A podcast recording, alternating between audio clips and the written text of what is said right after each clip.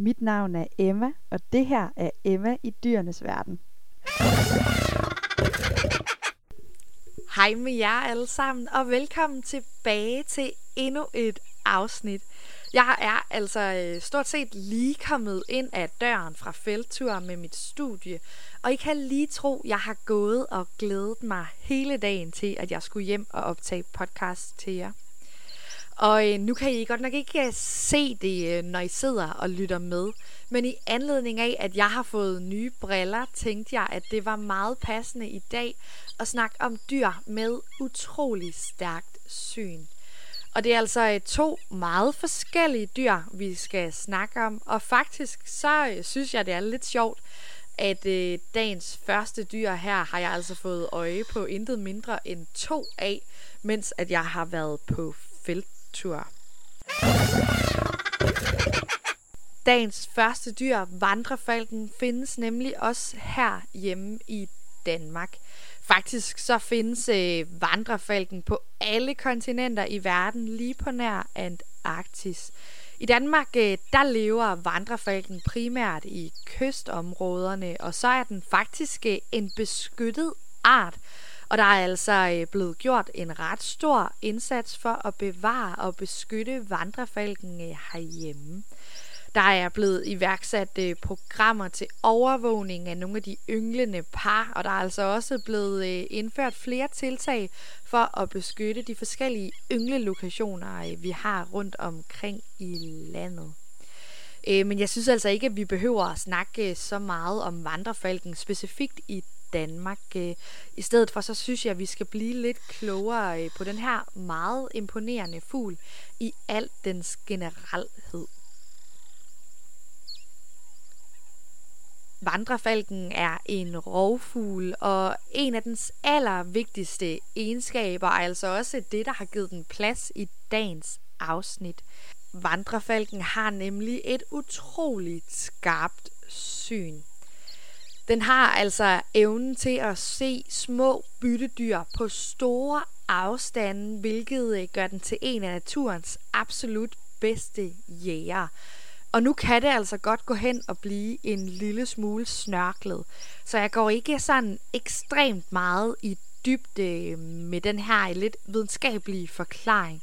Men det stærke syn kommer sig altså af en speciel struktur, vandrefalken har i øjet, der hedder fovea centralis.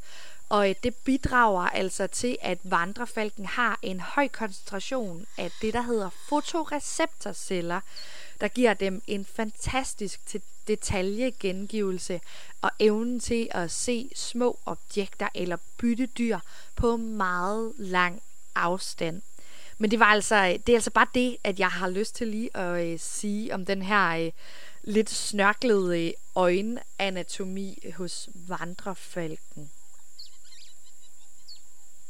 Og nu fastslog vi jo lige, at vandrefalken er en rovfugl. Så det er altså øh, kød, den spiser. Og vandrefalkens kost består altså primært af fugle, men de kan også godt finde på at jage mindre pattedyr, for eksempel mus eller kaniner. Og når de jager, så udnytter de altså ikke kun deres øh, virkelig skarpe syn, men også deres øh, hurtighed og gode dykkerevner. De øh, dykker altså øh, ned mod deres byttedyr med en utrolig hastighed i luften.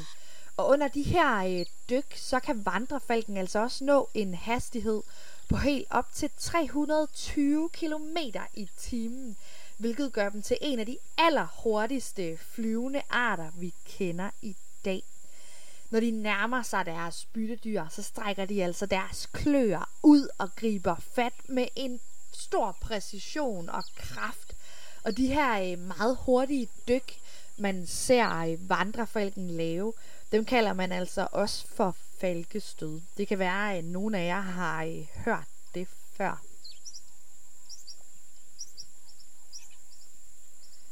Helt generelt så er vandrefalken en solitær fugl og ikke sådan synderligt social.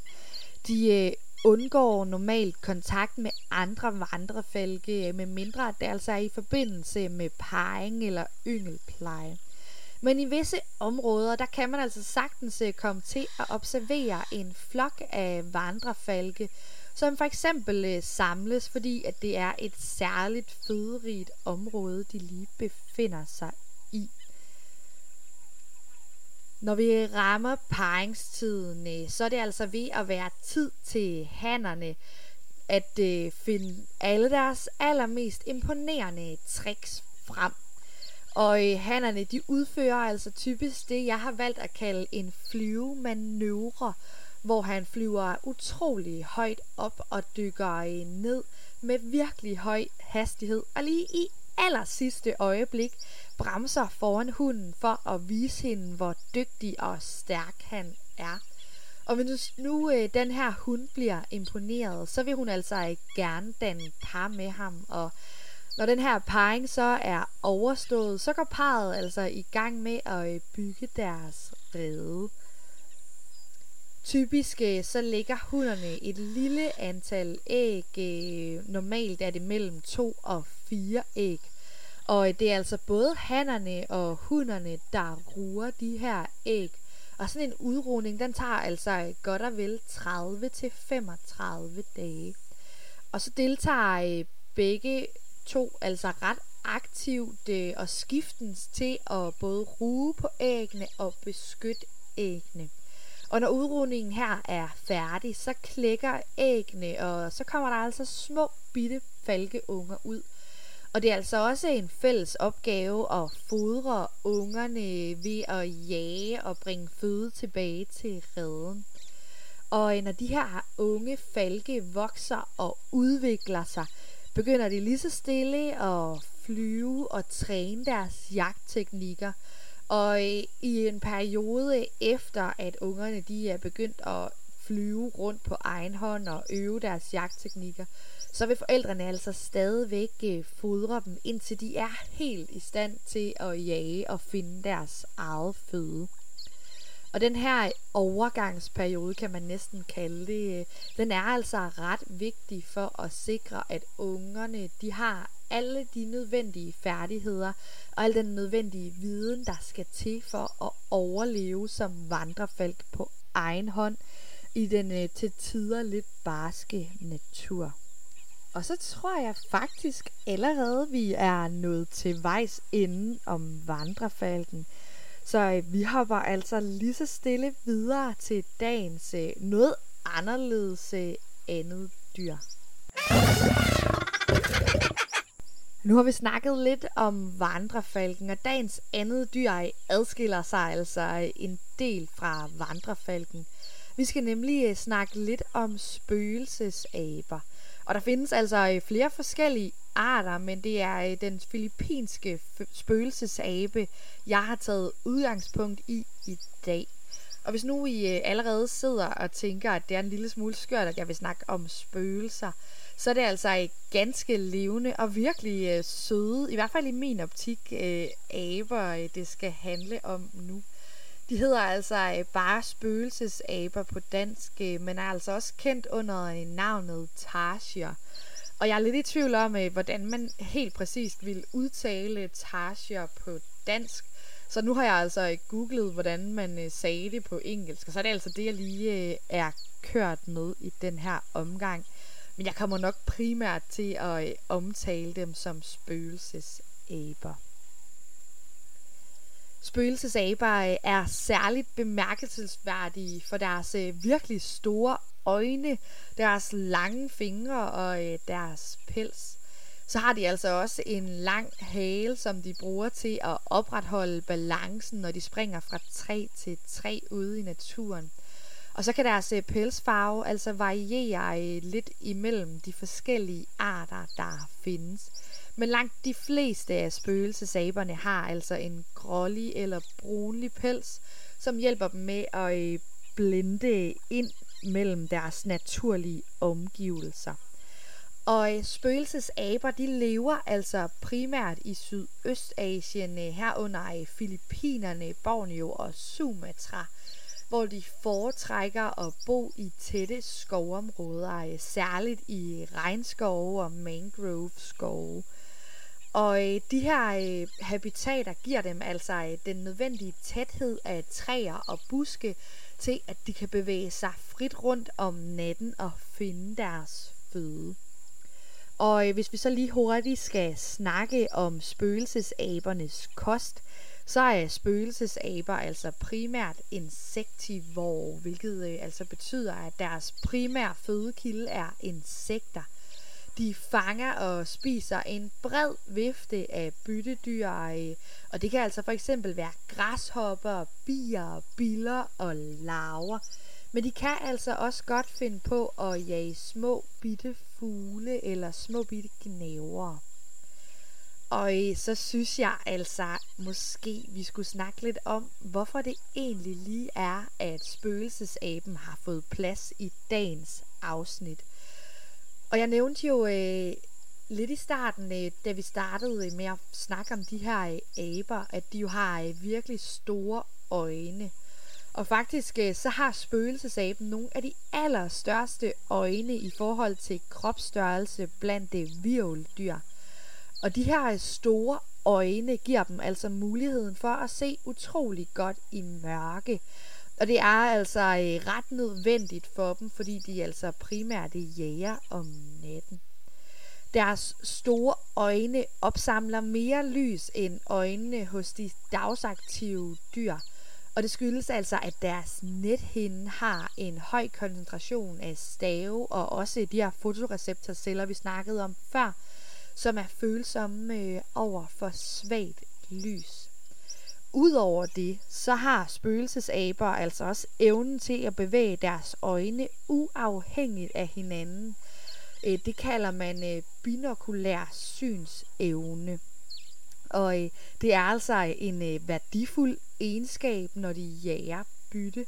Det giver dem nemlig muligheden for at fokusere deres øjne i forskellige retninger, hvilket øger deres synsfelt en hel del. Og for at det ikke skal være løgn, så har de altså også evnen til at dreje deres hoved næsten 180 grader, hvilket øh, giver dem mulighed for at opdage bevægelser i deres omgivelser uden at skulle bevæge hele kroppen. Og det er da øh, helt vildt imponerende. Spøgelsesaber er helt generelt ret territorielle dyr og har en tendens til at leve enten alene eller i små familiegrupper, øh, hvor hver individuel spøgelsesabe har sit eget øh, territorie, som den forsvarer mod øh, indtrængende. Og de markerer altså deres territorie primært ved brug af forskellige lyde, herunder høje skrig og også nærmest sådan nogle pip, som fungerer som en slags advarselskald til andre spøgelsesaber og potentielle rivaler. Og som med så mange andre dyr, så er det altså i paringssæsonen vigtigt for hannerne at komme til at imponere hunderne.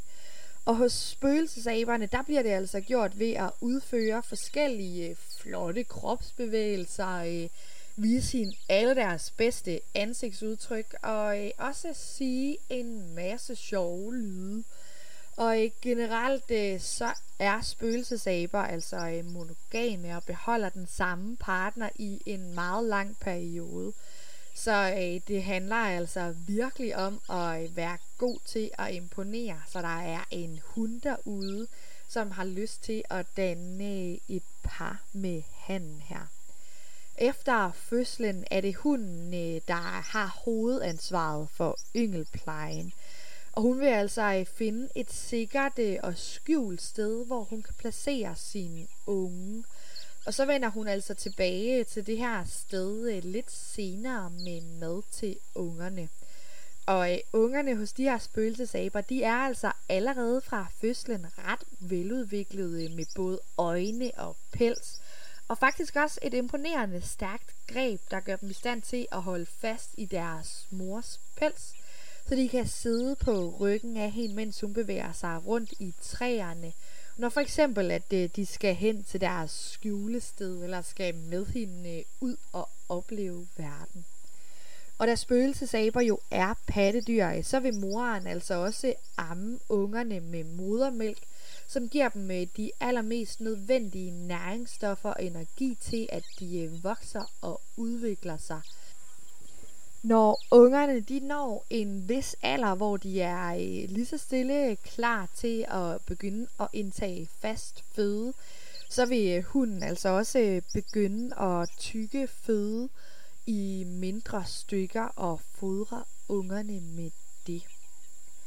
I løbet af de første par uger af ungernes liv, øh, der er de hovedsageligt afhængige af morens pleje og beskyttelse. Men som ungen vokser og udvikler sig, begynder den altså også gradvist at udforske deres omgivelser og bliver altså øh, mere uafhængig i øh, en lang periode, så vil moren altså også øh, stadigvæk holde øje med ungerne og give dem med al den vejledning og beskyttelse, der nu skal til for, at de overlever. Men efterhånden som ungen bliver ældre, vil den altså begynde at bevæge sig længere og længere væk fra moren og udforske verden på egen hånd. Og på det her tidspunkt, så har den altså heldigvis fået de egenskaber, det kræver og øh, klare sig på egen hånd. Og så øh, har vi altså øh, været ret godt omkring øh, dagens to dyr med utroligt skarpt syn. Det var simpelthen det, vi nåede øh, til vejs ende igen i dag, og øh, er forhåbentlig blevet en lille smule klogere på de her to interessante dyr. Og øh, så synes jeg altså også, det var lidt sjovt lige at få lov til at øh, tale om et dyr, vi kan være heldige at øh, se herhjemme.